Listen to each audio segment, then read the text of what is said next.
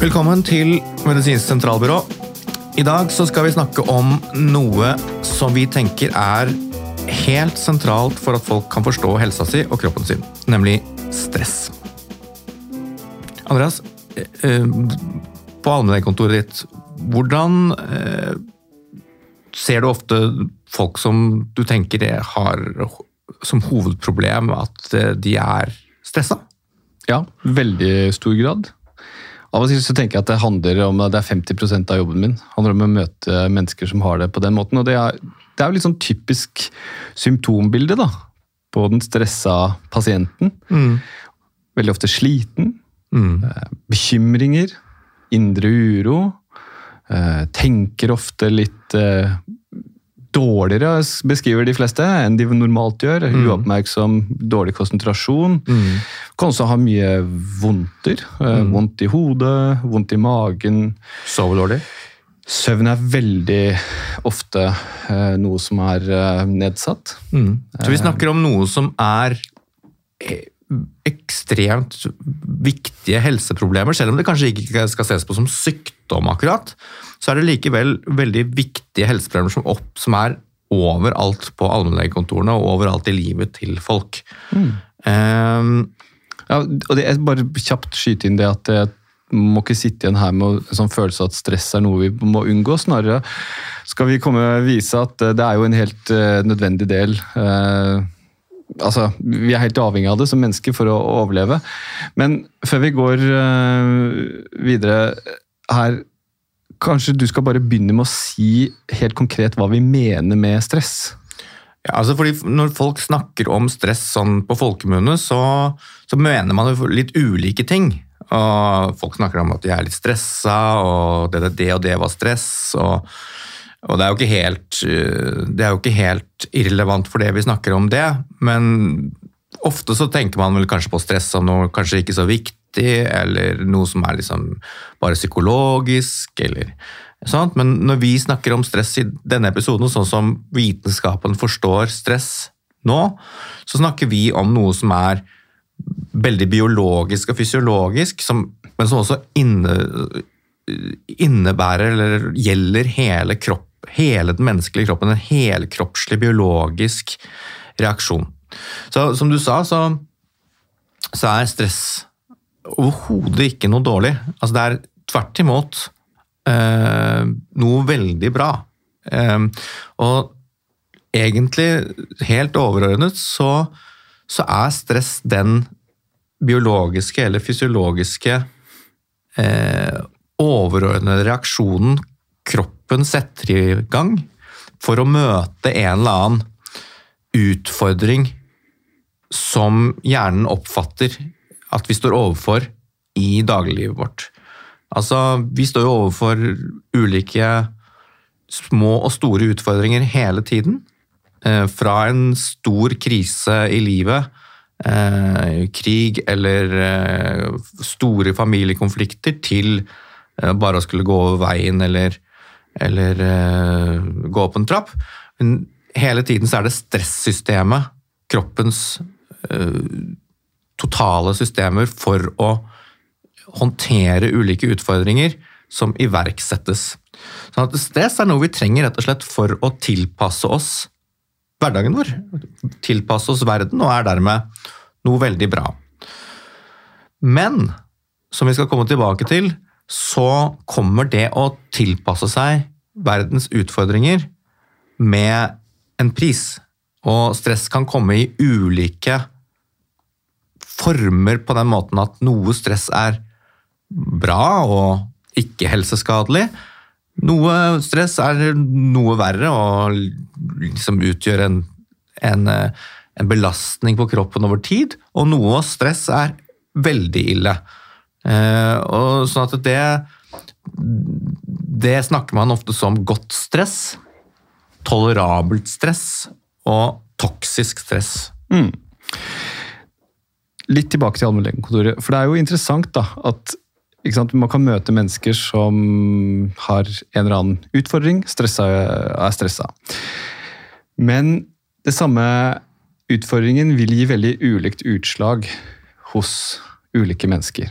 Uh, I stressforskningen så snakker man jo ofte om sånn major life event, som f.eks. er typisk sånn tap av ektefelle eller tap av jobb eller den type ting.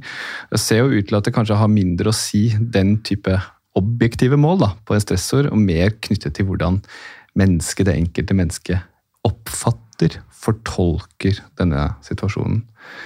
Så det tenker jeg også at vi skal si noe om. Dette som vi på fagspråket kaller perceived stress. Altså oppfatning av stresset. Hvordan påvirker det oss? Nei, altså Stress er noe som iverksettes og styres i veldig stor grad av hjernen. Altså Hjernen er jo noe vi kanskje forbinder med det psykiske, på en måte. Men, men hjernen er det viktigste biologiske, fysiologiske organet i hele kroppen. Og er en slags overordnet dirigent på en måte, som styrer alle kroppslige reaksjoner og alle de andre kroppslige systemene.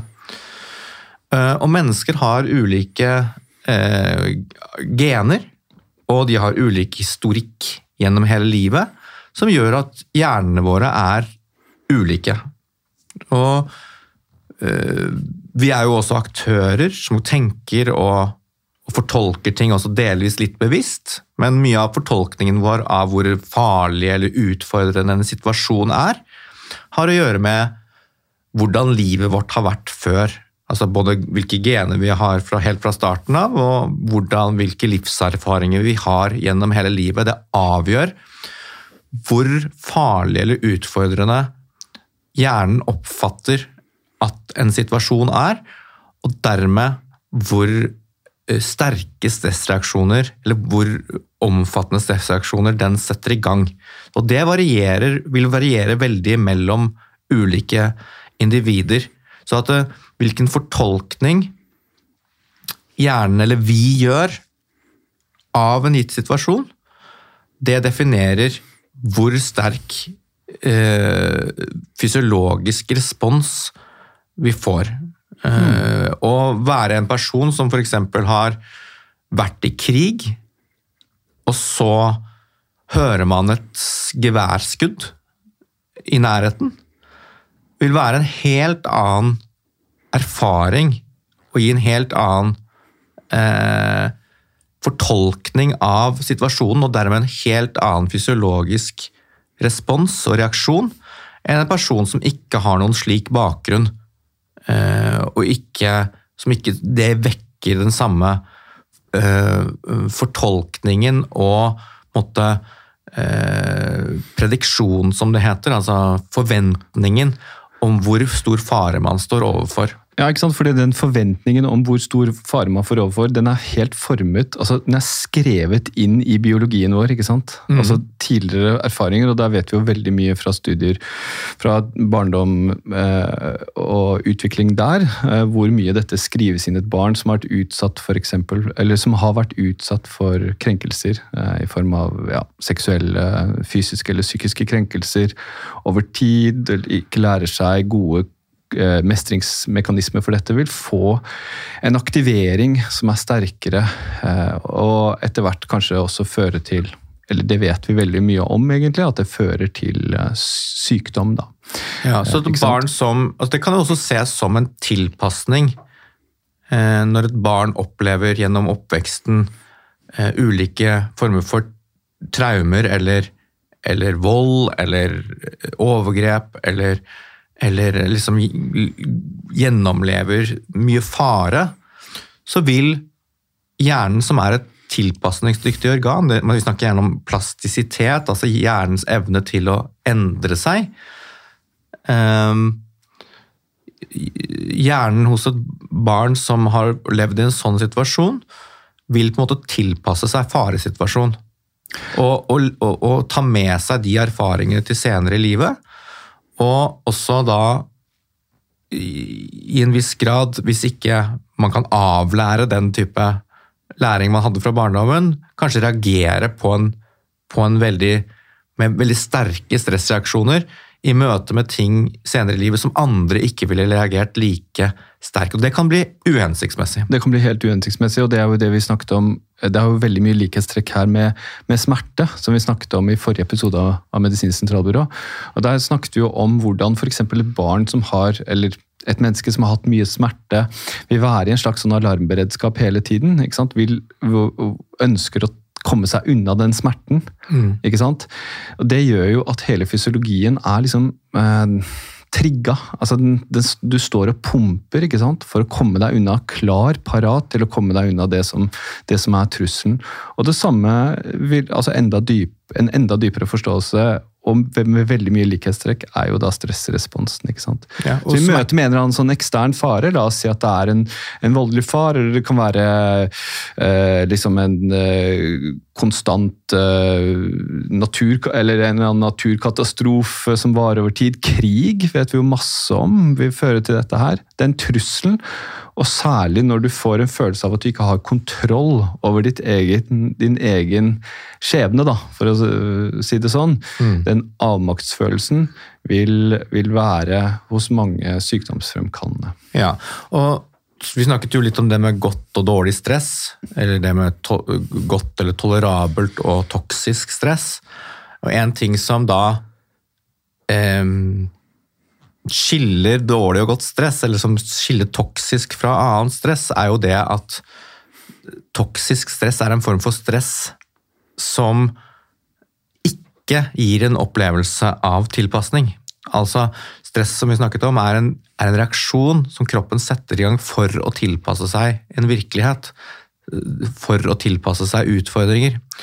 Og hvis vi stadig har en situasjon der vi setter i gang reaksjoner for å tilpasse oss, men vi ikke opplever å klare å tilpasse oss, så får vi en opplevelse av maktesløshet, tap av kontroll. Eh, og det er forbundet med liksom, å være hele tiden under hælen, eh, ikke komme seg til overflaten. Den type stress viser seg biologisk å være dårlig for helsa, endrer, endrer eh, fysiologien vår eh, med tanke på alle mulige sykdommer, f.eks. hjerte-karsykdommer. Altså metabolismen vår, stoffskiftet vårt, endres på en måte som gjør at vi eh, får f.eks. får mer hjerte-karsykdom. Så den typen langvarige stressreaksjoner der man ikke opplever å mestre, tilpasse seg, det er en veldig dårlig form for stress. Skal vi snakke litt om høyt blodtrykk som et eksempel? Ja, ja. Altså, For å ta det veldig kjapt, altså vi har jo, Blodtrykket vårt varierer jo noe mellom dagen, men det er jo ofte sånn Eller det er For å ha en liksom optimal fungering, så er blodtrykket Skal ikke passere noen, noen, noen verdier, da. Men um, det er også sånn at i møte med en eller annen trussel, så trenger vi en blodtrykksstigning. Vi trenger det for å kunne for å få liksom nok blod til hjernen, nok blod til muskulaturen, hjertet osv. For, å, for å komme oss unna en eller annen trussel. Uh, I en tilstand hvor du har lang aktivering eller fryktelig høy aktivering pga. opplevd stress, så vil det blodtrykket uh, på en måte være høyt unaturlig høyt over langt, eller ikke unaturlig, det vil være høyt over lang tid. ikke sant? Og til slutt så kan det komme, da komme i en sånn situasjon som er det vi tenker er liksom forklaringen, mye av forklaringen i hvert fall på høyt blodtrykk i dag, som vi, som vi behandler. Mm. Blodtrykk er jo da et eksempel på en ting som er veldig bra. Altså Vi trenger høyt blodtrykk, eller vi trenger blodtrykk for det første, og vi trenger også i noen sammenhenger at blodtrykket går opp. Eh, men vi trenger ikke langvarige høye blodtrykk. Eh, og, og, mye av det jeg tenker vi ser som høyt blodtrykk på legekontorene rundt omkring, som vi liksom på en måte ikke finner noen sånn spesifikk forklaring på medisinsk. Eh, som er det vanligste hos de som har høyt blodtrykk, er, tenker jeg her har å gjøre med eh, stressystemet som er aktivert over tid. Um, men la oss bare, for å forklare folk, da, tenker jeg uh, La oss forsøke å gå inn i hvordan er det dette ser ut fysiologisk. Altså hvordan er stressystemet bygd opp? For å vise de som hører på, at liksom, dette er et biologisk og fysiologisk system. Eh, så skal vi snakke videre om noen begreper som vi tenker er sentrale for stressforståelse etterpå. Så at jeg tenker det helt sentrale å forstå når det gjelder stressfysiologi, er hvordan det er hjernen som er det sentrale organet, som styrer hele stressresponsen. Vi snakket litt om hvordan stressresponsen styres av hvor, um, hvor utfordrende hjernen uh, oppfatter at en situasjon er. Men ellers så, så består stressystemet da, av e-, egentlig på en måte alle organer i kroppen, for vi trenger jo de aller fleste organer i kroppen for å håndtere hverdagen. Så hvis stress er det å håndtere hverdagen, eller tilpasse seg hverdagen, så trenger vi jo egentlig alle organene. Men eh, helt sentralt er jo de systemene som er koblet på hjernen, som er signalsystemer som går ut av kroppen, eh, som går ut av hjernen og ut i kroppen, som da hjernen styrer resten av kroppen via. Mm. Uh, og det er Nervesystemet? Ja, ikke sant? Det, det som gjerne kalles det autonome nervesystemet, som er til, i stor grad, men ikke helt, eh, automatisk eller ikke viljestyrt. Da. Vi kan, vi kan jo på en måte, vi vet jo alle at vi kan styre det litt ved hva vi tenker på osv. Men fra hjernen så går det ulike systemer ut som når alle eh, organer i kroppen og styrer alle Eh, alle måte, kroppslige reaksjoner. Mm. F.eks. til hjertet, da, som vi kjenner til alle sammen. Altså, fra hjernen så går det da nerver til hjertet, og når vi blir stressa, så går pulsen opp, f.eks. Eh, eller det går masse nervefibre fra hjernen til magen, som da endrer sender signaler til fordøyelsessystemet, som vi også kjenner til hvordan det begynner å rumle i magen mm. når vi er i en eller annen belastning. Til eh, muskulaturen vår, til lungene. Til huden. Så vi vet jo alle hvordan vi kan få liksom, rødme i huden, eller Det som kanskje er mindre kjent for folk, er, at, er hvordan det er forbindelse mellom hjernen og immunforsvaret, f.eks.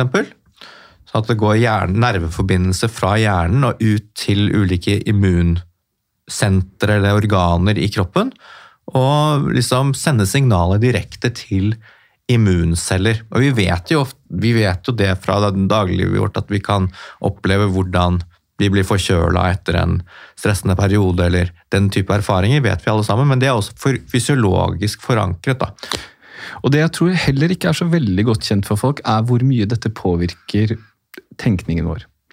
Ja, det var jo det jeg nevnte litt innledningsvis. ikke sant? Hvordan vi på et allmennlegekontor kan møte pasienter som har jo da har alle disse plagene fra mm. de ulike organsystemene. ikke sant? Mm. Dårlig i magen, eh, hjertet går raskt, mm. eh, kanskje oppblussa av eksem eller eh, en, et, et eller annet utslett. ikke sant?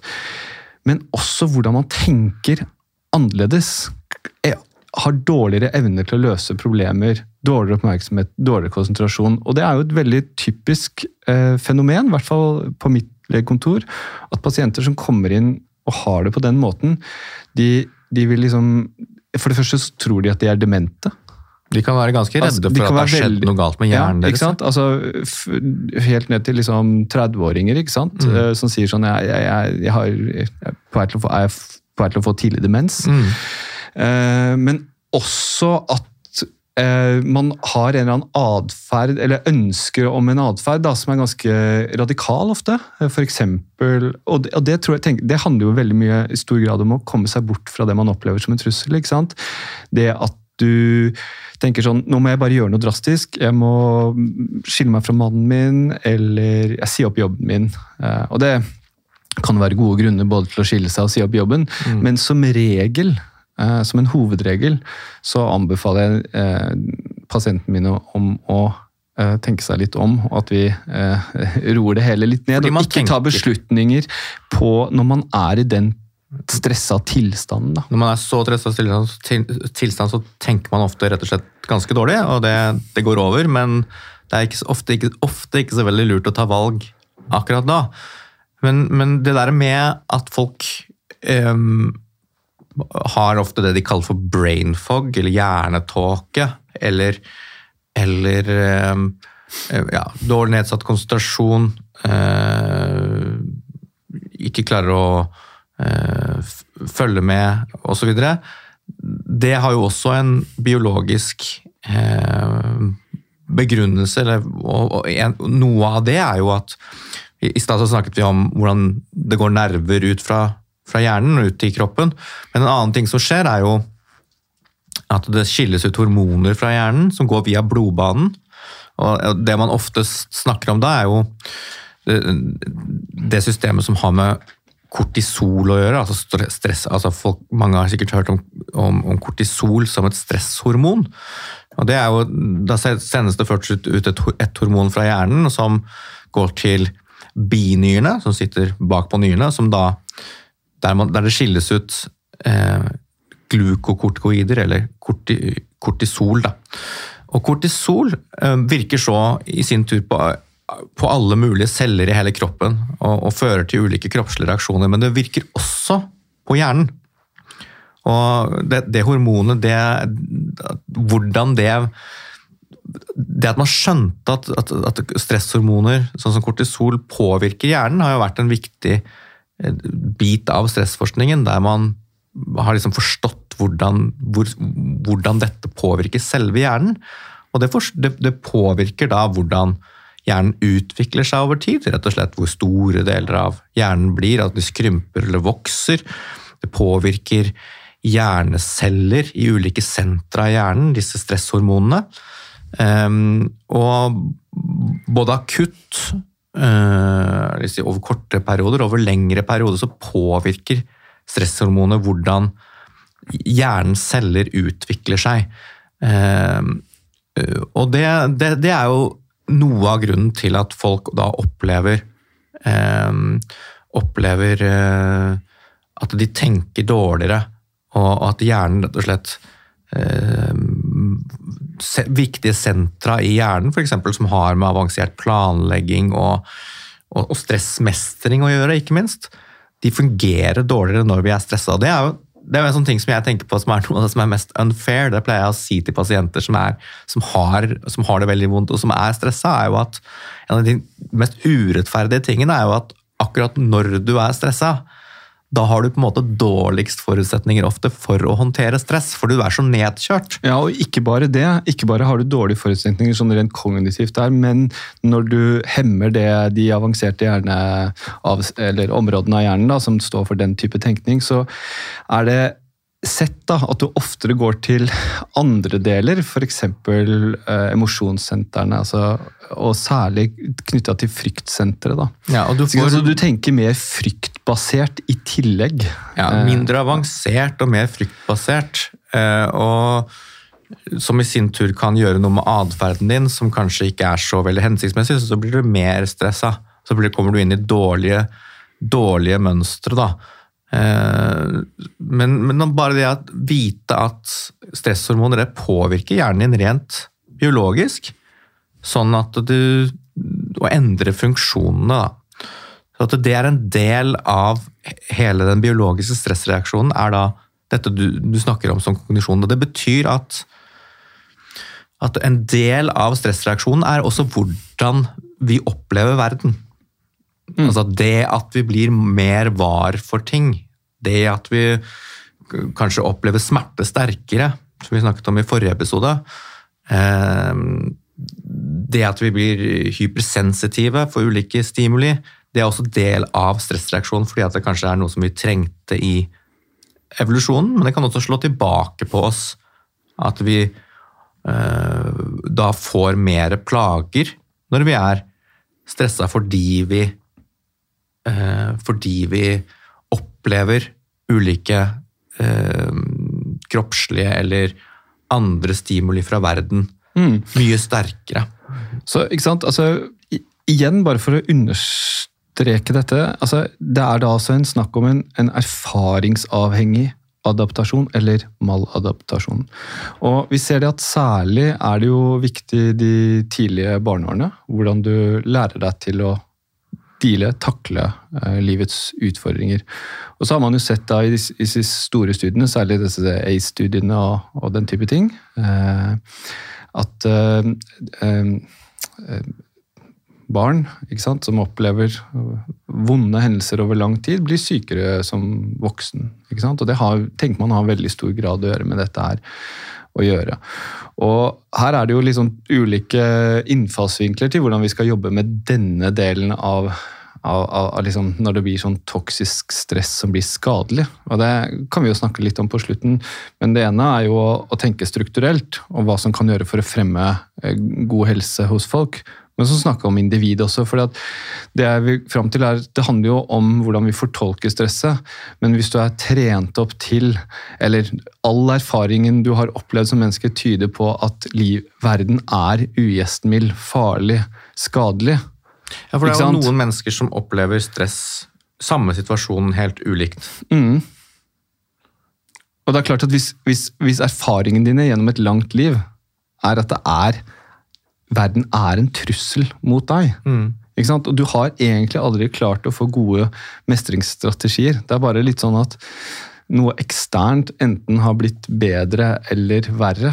Enten at en krig har sluttet å være, altså sluttet å være krig, eller at far har sluttet å slå deg, eller hva det, hva det måtte være. Du har ikke noe erfaring egentlig å, å deale, å takle dette, da. ikke sant? Så hvis, hvis liksom hjernen er så sentral for å forstå kroppslige reaksjoner, hvor, hvor, og hvor, hvilke stressreaksjoner et individ um, uh, utvikler i møte med et eller annet problem her i livet, så er det helt sentralt å forstå historikken til det individet. For at eh, hjernen har da utviklet seg gjennom hele livet til det mennesket. ikke sant? Altså, for det første så har et menneske noen gener som eh, man har med seg fra befruktningen, ikke sant? Fra, fra mor og far.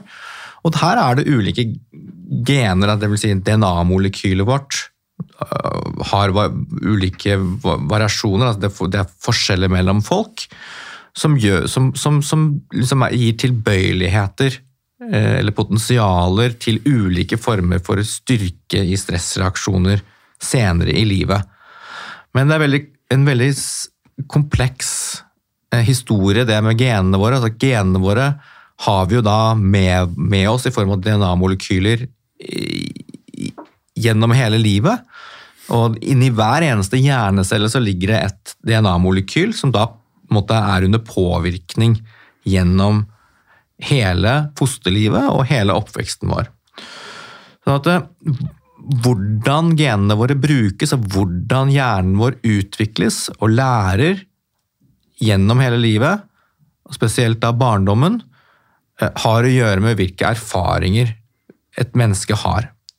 Sånn at vi eh, Hvis et menneske blir utsatt for f.eks. da veldig sterke traumer, eller stor fare gjennom eh, barndommen, så måte lærer Det kan ses på som en tilpasning. Så, så, lærer den hjernen å reagere på en viss måte for å overleve. For å tilpasse seg en farlig verden.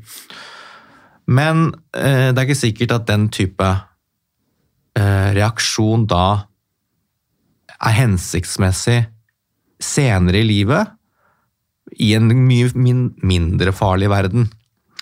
Det kan man jo se ved problemer sånn som posttraumatisk stressyndrom. Mm. Altså at mennesker har vært i så store traumer eller i, en, i situasjoner som gir en læring og en form for stressreaksjoner senere som ikke er hensiktsmessig. Mm. Fordi den faren er egentlig ikke der. Og man har ikke da klart å avlære den type høyberedskap som da man har tillært seg i en krisesituasjon. Ikke sant? Eh, men, men, men, det er jo det, bare for å si det, så tenker jo for, Nettopp fordi at hjernen er plastisk, så er det jo en mulighet for at man kan avlære seg det. Ja, Hva, for, hva mener vi med plastisk? Nei, altså, den, den, er, den, den, er jo ikke Den står jo, den står ikke stille. altså Den er i en utvikling utvikling, eh, som handler om også om læring, ikke sant? Ja, altså plastisk, det er sånn Eh, plastelina, liksom. At den, Men man er det- føy, tø, formbar, da. Ja, det er rett og slett, altså, Plastisk handler om at det, det ikke er statisk. at det, hjernen, det er egentlig litt nytt på en måte. at Man har, man har jo liksom kanskje hatt en tendens til medisin og sånt tidligere til å tenke at hjernen er liksom litt gitt Ja. eh, når man blir voksen og, og spesielt. Men, men det er mer en tendens til å tenke at hjernen er formbar eller under utvikling i møte med ulike eh, forhold i livet. Mm. Eh, det er jo det vi alle opplever som læring. Mm. Men, men at det, liksom, det, det gir et, også et potensial for bedring, som du sier. da.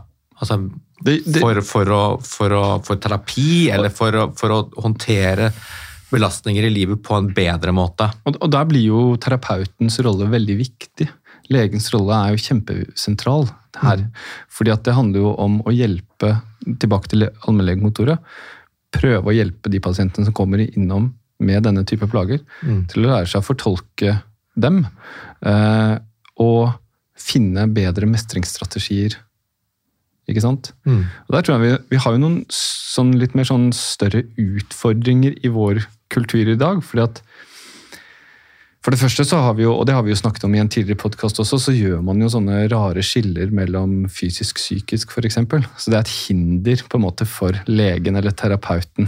Bare der at du må, igjen, du må over en sånn svær sånn her hinder for å komme deg til den forståelsen. Ja, for et stressbegrep, Det er egentlig en ganske viktig ting. At stressbegrepet, eller stressforståelsen som er i dag, eh, som er vitenskapelig liksom, den beste forståelsen, den, den skiller egentlig ikke mellom fysisk og psykisk.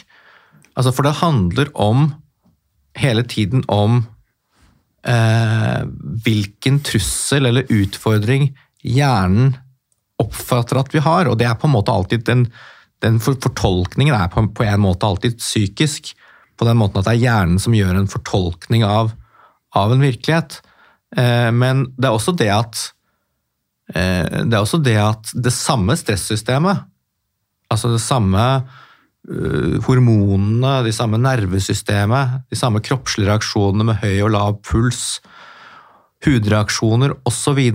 iverksettes, brukes i, i møte med ting vi oppfatter som fysisk, og, og ting vi oppfatter som psykisk. Ikke sant? Sånn at vi, vi, vi, de, kroppslige reaksjonene vi, og, og systemene som vi setter i gang i møte med et samlivsbrudd eller en mobbesituasjon, er de samme som vi bruker når vi skal gå opp et fjell eller, eller brekke beinet. Eller, ikke sant? Sånn at, det, sånn at det, måten eh, måten kroppen på en måte møter disse, disse utfordringene i livet, skiller ikke mellom det som heter, vi ofte forbinder med, forbinder med psykososialt, og det som vi forbinder med fysisk. Nei, ikke sant? Men i, i kulturen så er det nok veldig stor, og det er det jeg mener med at du må som terapeut ofte over den Du må forklare veldig mye, for at man, man tenker, eh, kan jo bli møtt med nærmest en sånn anklage at tror du meg ikke? ikke sant? Altså Tror du meg ikke på at jeg har det, har det vondt og har alle disse symptomene? Og det tror jeg jo i høyeste grad på. Jeg tror bare at forklaringsmodellen er mer sammensatt. Så det er det ene hinderet. Og det andre hinderet er jo at det er en kultur som jeg oppfatter som veldig sånn orientert løsningsorientert og kanskje sånn quick fix-orientert. Så jeg tenker Særlig på et eksempel hvis du har som jo også er et vanlig fenomen på et allmennlegekontor, og det er jo helseangst. ikke sant? Altså Du har opplevelsen, du har stress knytta til egen helse. Og så ender man opp med å gjøre masse type eh, ulike utredninger. Ofte ganske sånn avanserte teknologiske utredninger. Og så blir eh, pasienten ikke stressa når vi finner ut at det er bra. Ok, så Forbigående så har man jo da gjort det bedre for pasienten, fordi at man har tatt det MR-bildet og utelukket eh, et eller annet. Men det som er lærdommen av det, eh, tenker jeg ofte, det er jo at jeg må ha et eller annet sånn type avansert teknologisk diagnostikk for å kunne kvitte meg med dette ubehaget. Istedenfor at man har lært seg til å fortolke symptomene på en mer konstruktiv og destressende måte. Da. Ja. Og det er klart at, Som vi har også snakket om i tidligere episoder, så er det også sånn at pasienter som kommer inn på legekontoret med disse tingene som en kyndig lege ganske enkelt kan se er forenlig med en stressreaksjon eller en alvorlig stressreaksjon, ofte vil føle seg ganske dårlige, og ofte vil bli sendt på veldig mye utredninger for å liksom utelukke ting. Og disse, disse turene ut i helsevesenet med masse tester og røntgenbilder og blodprøver osv. kan i seg selv være ganske stor kilde til bekymring og stress. Eh, og ikke akkurat virke helsefremmende. Så at vi tenker at leger egentlig kan lære mer om dette, om stressreaksjoner, for å forklare veldig mye av det som kommer inn på legekontoret. Det er en god del pasienter som møtes med lite forståelse. Kanskje fordi dette er en sånn helkroppslig ting. En helkroppslig biologisk reaksjon. Istedenfor at vi, mens medisin ofte er vant til å liksom sjekke enkeltorganer, så, er liksom, så er liksom handler stress om hele kroppen. Altså, en, en, siste sånn barriere tror jeg mot det er, vi snakket litt om før, før sendingen begynte, er jo dette liksom, samfunnet vi har som er ganske sånn preget av en det jeg kaller for algoritmetenkning. da, ikke sant? Du har en eller annen sånn eh, Du løser et eller annet problem i samtiden gjennom en sånn sjekkliste punkter. Og Sånn tenker jo jeg, og jeg er helt sikker på at du heller også tenker sånn, at verden er jo ikke bygget opp på den måten. Vi er jo ikke sånne bokser. Så vi er hele tiden så er vi jo avhengig av å kunne utvise skjønn, å kunne utvise fleksibilitet, ikke sant? Men hvis du læres opp i en kultur til at verden må forstås som et sånt sjekklistepunkt, så vil du i møte med verdens kompleksitet få mye stress. Mm. Ikke sant? For det er rett og slett, du er ikke trent opp til å takle de utfordringene. Mm. Det, så det, det, er en sånn ting jeg tenker ofte på, da, at, uh, at vi godt kunne vært eh, utfordra mer på dette her. Til å tåle stress på en annen måte. Ikke sant? Ikke late som at verden er så veldig, veldig kontrollerbar og forutsigbar på den måten. Mm. Men heller lære seg til å til å finne god adaptasjon, fleksibilitet, være løsningsorientert. Ja, og det, det, er jo igjen det at stress er ikke nødvendigvis noe farlig. Når disse pasientene kommer inn, så er, så er det jo ofte fordi de har ganske alvorlige stressreaksjoner.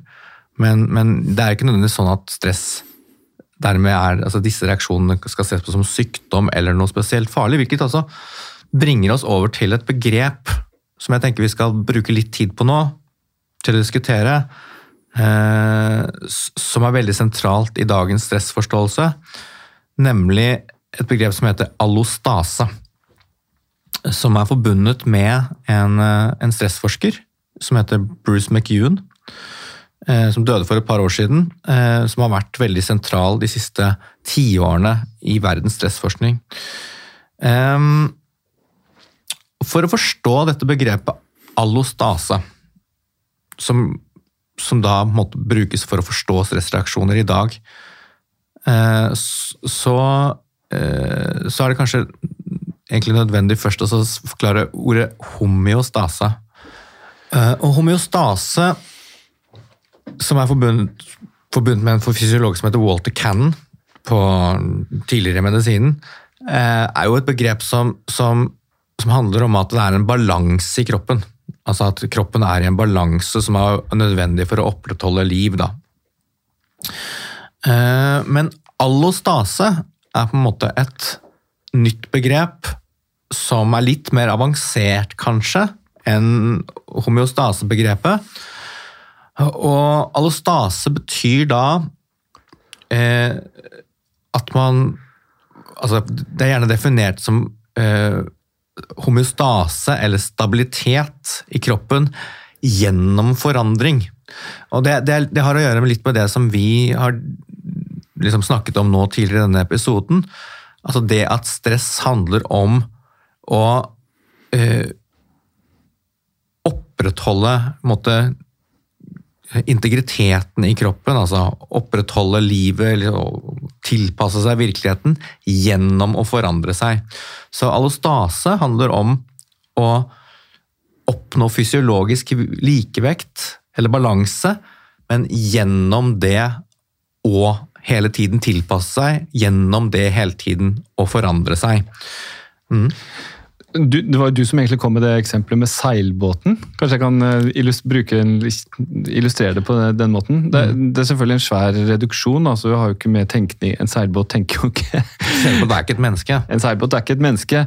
Men hvis du tenker på seilbåtens funksjon, eh, så er det å seile. eh, Ikke sant? Og så det at masten står opp, og ikke er f.eks. under vann, det vil være homostase. Men det at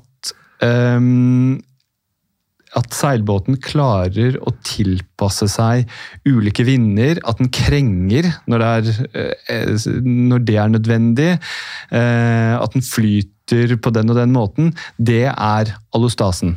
Ja, eller, sånn som jeg forklarte, så er det at, at hvis du tenker deg en seilbåt som ligger i, i, liksom i smult sjø, og ikke, at det ikke blåser så mye, at masten står rett opp og ligger der stabilt i vannet, det er liksom en båt eh, som er i homeostase, altså i balanse. Eh, Så hvis man liksom tenker på den seilbåten som kroppen, så er allostase mer det at, at, at denne båten blir utsatt for en, en belastning, f.eks. en sterk vind. Da. da er denne båten nødt til å krenge over på siden med, med vind i seilet, det knaker på en måte i sammenføyningene i båten, men den er fortsatt flytende. Så at det, allostase handler om den der tilpasningen båten gjør, altså at den legger seg over på siden for å holde seg flytende, for å holde seg oppreist, og for at den senere skal kunne ligge med masten rett opp igjen. Eh, På samme måte så, så er det sånn at i møte med da alle livets utfordringer, så setter stresssystemene i gang, og det er da det vi kan kalle en allostatisk reaksjon. Eh, altså, man setter i gang disse stressystemene for å opprettholde eh, likevekt og balanse i kroppen. Men det å opprettholde denne balansen, akkurat som dette skipet legger seg over på siden og, og, og, og liksom krenger i vinden, så, så eh, har det å sette i gang disse stressystemene eh, via hjernen og hormoner og, og immunforsvaret osv., det har en pris. Mm. Ikke sant? Fordi at det å ligge, ligge lenge og krenge for en seilbåt bare, Det er siste vi skal ha med den seilbåten, altså. Men eh, det, det er jo energikrevende for båten. Og jo lenger den gjør det, jo høyere er sjansen for at masten kan knekke eller kjølen Ja, kan At det blir ødelegges, slitasje på skroget, og, og, at noe går i stykker til Så slutt. den vil tilbake, som du sier, til denne homostasen. da. Men det er Ja. ikke sikkert at eh, du får smulsjø. Det er ikke sikkert at eh, det kan hende at det er røft lenge. Mm. ikke sant? Det kan kanskje sammenlignes med kronisk stress. Da, da vil det bli slitasje på båten. Til slutt er det kanskje noe som ryker. Men det er ikke sånn at det er noe, egentlig noe galt med båten. Selv om den, så det er ikke noe som er gått i stykker på båten, nødvendigvis, selv om den legger seg over på siden og det, og det knaker i, i liksom sammenføyningene. Så på samme måte så er det ikke noe, sånn, nødvendigvis noe gærent med kroppen fordi du opplever masse symptomer som følge av en stressreaksjon. Eh, Men det kan bli det på sikt hvis denne stressreaksjonen vedvarer over tid. Men altså, all, allostase er da tilpasning, eller altså likevekt gjennom, gjennom stadig tilpasning og, og, og mobilisering av stressystemene. Og det har da en pris, fordi du, du, du Som vi snakket om, altså hjernen eh, sender ut signaler til resten av kroppen, og det frigjøres masse stresshormoner og andre signalstoffer, og det påvirker fysiologien vår.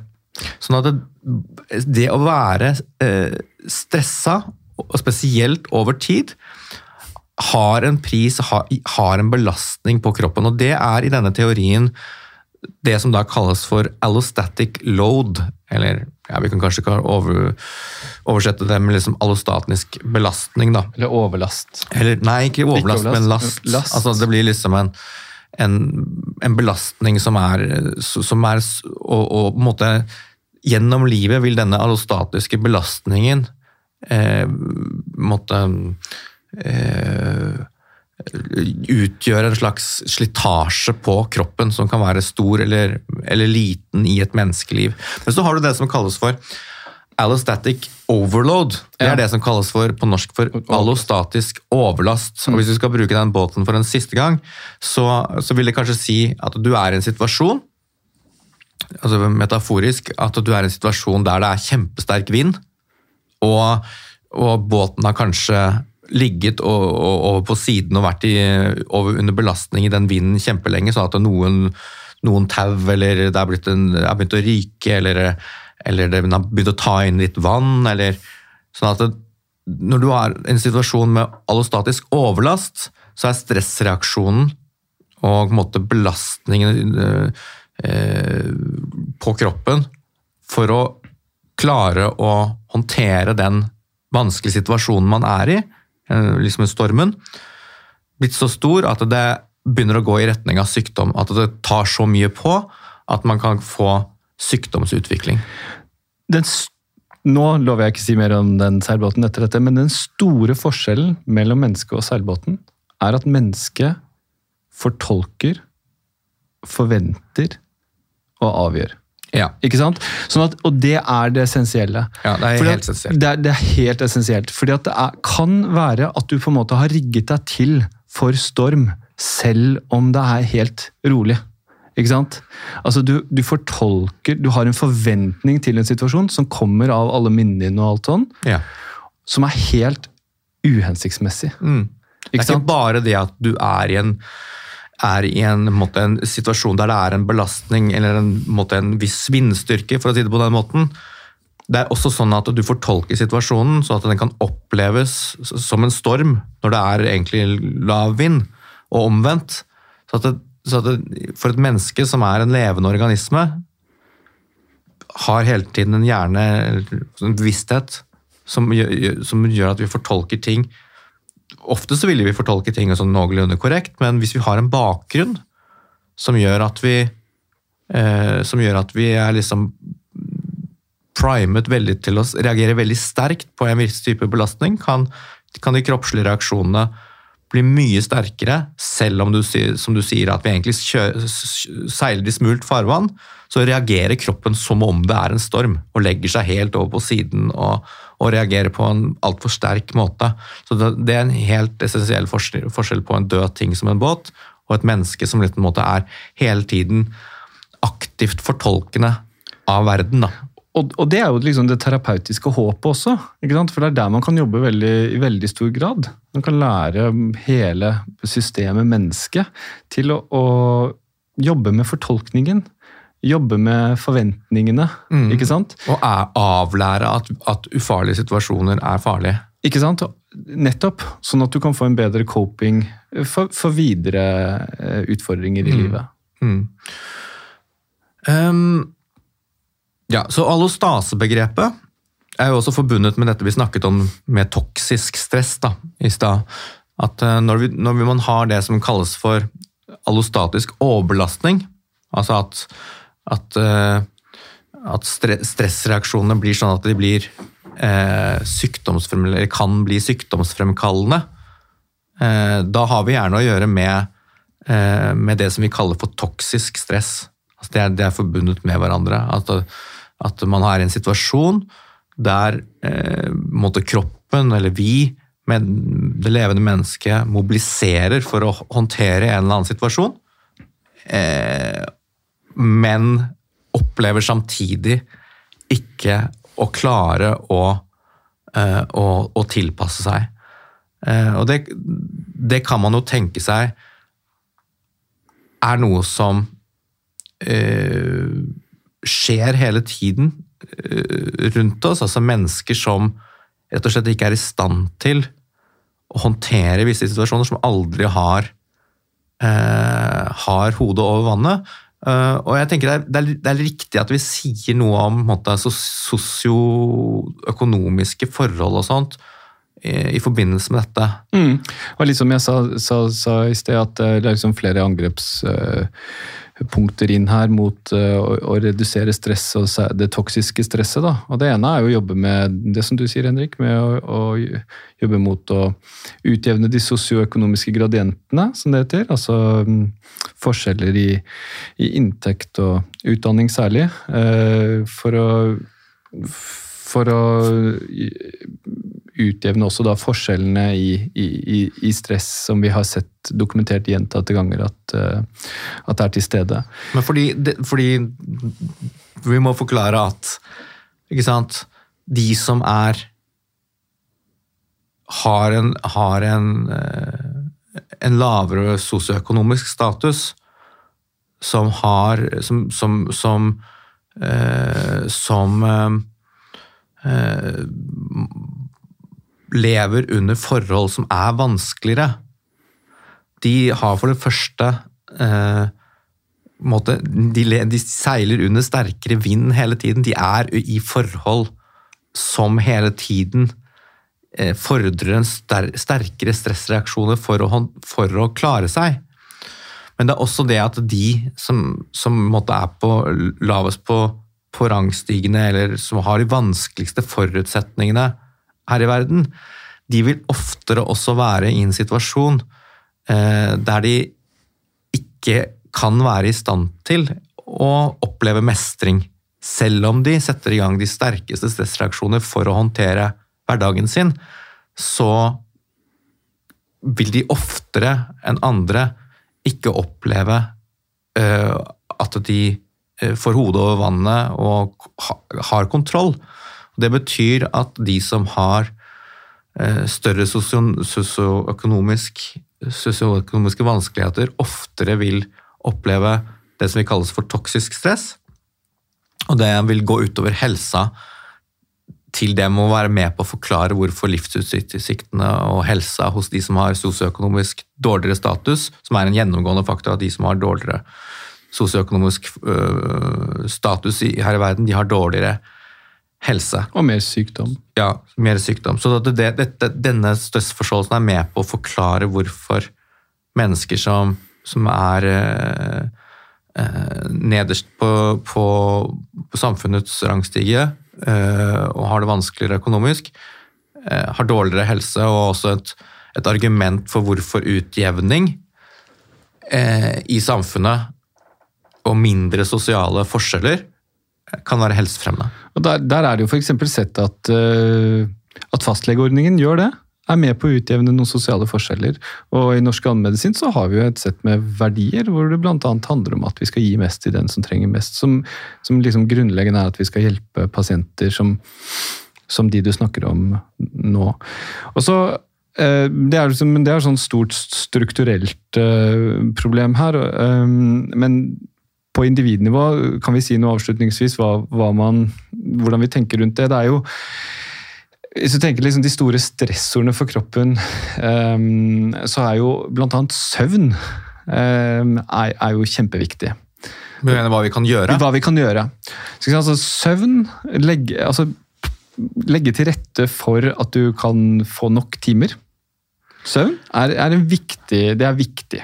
Ja, altså at mange vil jo nå spørre seg kan, hva kan jeg gjøre for å håndtere de stress, det stresset jeg har. Og, og, det er jo, tenker jeg, eh, et like vanskelig spørsmål som det er enkelt, på en måte.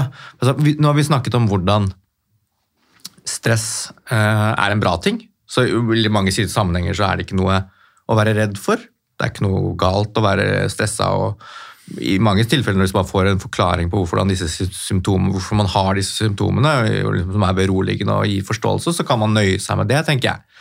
Og ikke gjøre så mye føss ut av det. Men, men, i den grad man har på en måte en, en del av pasientene vi ser, er jo, er jo mennesker som har så alvorlig stressreaksjon at man absolutt bør gjøre noe med det.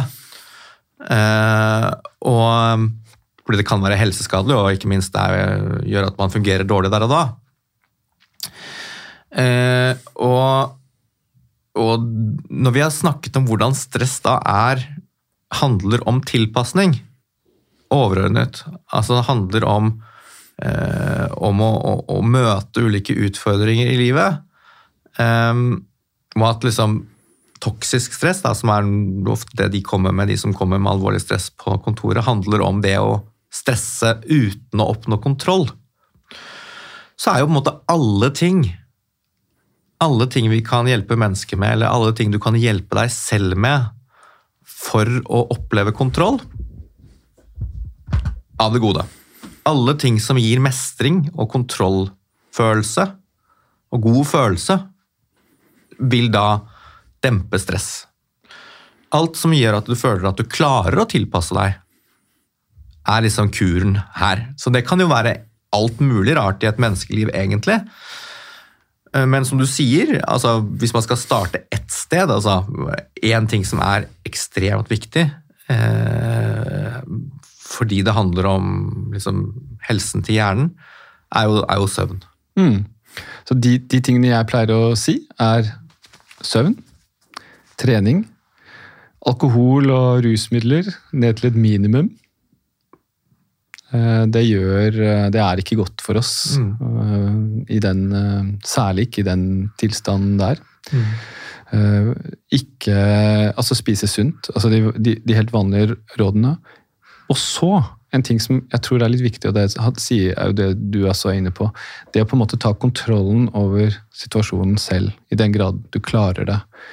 Og det handler jo annet om å Veldig mange som i hvert fall kommer på mitt kontor, er, er jo veldig ambivalente også i, når de er i den tilstanden. På den ene siden skal jeg gjøre det, og så skal jeg gjøre det. Eller? Det er masse baller i lufta. Ja, de tenker dårlig. ofte. Tenker dårlig. Så det å avklare noen ting, og si at ok, nå gjør jeg dette her, eller nå ser jeg dette her til sommeren, eller du setter en eller annen tidsgrense på noe, det er å ta veldig eierskap til situasjonen. Og da plutselig reduserer du stresset eh, fryktelig mye, bare med et sånt veldig enkelt grep som det. Ja, Ikke sant? Så avklaring Så det er rett og slett en godt, avklaring. et, et godt ord. Og Så- så det siste er å kjenne igjen reaksjonen sin. Eh, ikke synes den er farlig. ikke synes den er farlig, og så ikke ta avgjørelser der og da. Mm. Ikke sant? Eh, så, så liksom know thyself, da. Det, det tror jeg er viktig. Og så selvfølgelig hjelper det jo på å høre at det er en helt eh, Det er en, det er en naturlig reaksjon, Mm. ikke sant? At, at leger ufarliggjør det også. Ja, for at ellers kan man komme inn i ganske dårlige, onde sirkler hvis man har alle disse kroppslige reaksjonene og, ikke, og syns de er skumle og at de selv utgjør fare. Så kan de også bli verre. Man kan oppleve at de blir forsterket, og dermed at de kroppslige reaksjonene blir enda verre. Man kan komme inn i ganske dårlige sirkler der man kjører seg selv ned ved å være bekymret og fokusere på stressreaksjonene sine. Det er ikke en god stressmestring. Det er det motsatte av god stressmestring. Så vi, noe av det vi prøver å oppnå med dette, denne samtalen, er jo å, å, å bidra til at folk kan forstå kroppen sin. Ehm, Men, men la oss kanskje være litt, eh, litt mer konkret, da. For noe, noe av det vanligste her er jo at man uh, har en eller annen uh, en eller annen vanskelig situasjon, la oss si på jobben eller ekteskapet, uh, eller i familien ellers, som, som gjør at man at man utvikler masse sånne symptomer, altså vondt i hodet, vondt i magen osv. Dårlig, sover dårlig osv. Det er jo supervanlig på legekontor. Um, og det, jeg vet ikke om det går an å lage noe oppskrift for hvordan du håndterer det. Eh, men, hva, men hva tenker du når, når, når du får inn en pasient som kommer med disse symptomene? Det, det er jo, som du sier, det er jo ikke så veldig lett å lage en oppskrift, men jeg tror det jeg vanligvis pleier å gjøre, er jo i, eh, Veldig mange er jo som kommer på legekontoret, når de først kommer på legekontoret, så er de ganske kjørt. Ja, Ja. gjør det. Eh, og i tråd med det jeg har sagt tidligere, at man ikke skal ta avgjørelser, og sånn, så tenker jeg at eh, den første perioden definerer jeg ofte bare som en sånn stabiliseringsperiode. ja, Altså. altså at man er eh, kanskje får en sykemelding noen dager eller hvis en uke. helt eller nedkjørt, hvis man er helt tenker jeg en, nedkjørt. en sykemelding kan være bra. Med fokus på liksom aktivering og stabilisering. Da. Altså ut, gå tur, sove, ikke drikke. Dette her. Og så kommer vi tilbake som regel da etter en uke, eller noe sånt, og så snakker vi videre om, om planen videre. og det Da må, man, da må man på en måte ganske raskt i gang med å mestre. Ja, man Fordi at det. Hvis man forblir utenfor arbeidslivet Ja. veldig lenge, så kan det i seg selv bli et, ja, så det er et, raskt et, et problem som gjør at det blir mer stress, fordi man føler ikke at man klarer å tilpasse seg. Ja, og det, så, så, det, så det, er, det er jo et vesentlig poeng. Mm. Eh, og, Og så er jo kanskje, og med årene, man skal jo være veldig forsiktig som lege med å på en måte gi den type råd, men jeg er i hvert fall penser pasienter over på at det er jo noe med at det er ikke alt som passer til alle. Så vi må finne de stedene hvor det fungerer også bra. Ja, ikke og sant? Det er her jeg tenker at liksom allmennlegen og fastlegen har en nøkkelrolle. fordi jeg tenker at noe av det viktige her, eller jeg vet ikke om du er enig med- med meg i det, men noe av det viktige her er jo å, å kartlegge den unike situasjonen til det mennesket. Mm. Hvordan er denne eh, hvordan er denne spesielle livssituasjonen og livshistorikken til dette mennesket? Mm. eh, for å hjelpe til med å forsøke å sortere litt og, og avklare eh, litt i situasjonen og finne enkle strategier da, for, å dempe, for å dempe stresset. Og det kan jo være lett og vanskelig, det kan være helt forferdelige situasjoner som, som ikke har noen enkle løsninger i det hele tatt. Mm. Men det kan også være ganske enkle grep som kan gjøres, som bedrer situasjonen ganske eh, radikalt og ganske fort. Mm. Og av og til lykkes man med det, og av og til så er det, som du sier, mye vanskeligere. Men jeg er jo 100 enig med deg. altså det må jo prøve å finne den unike, altså de unike mulighetene til, til individet foran deg. Ok, da håper vi at vi har eh, klart å gi folk en bedre forståelse av kroppen og stress som fenomen, og dermed kanskje litt bedre helse også.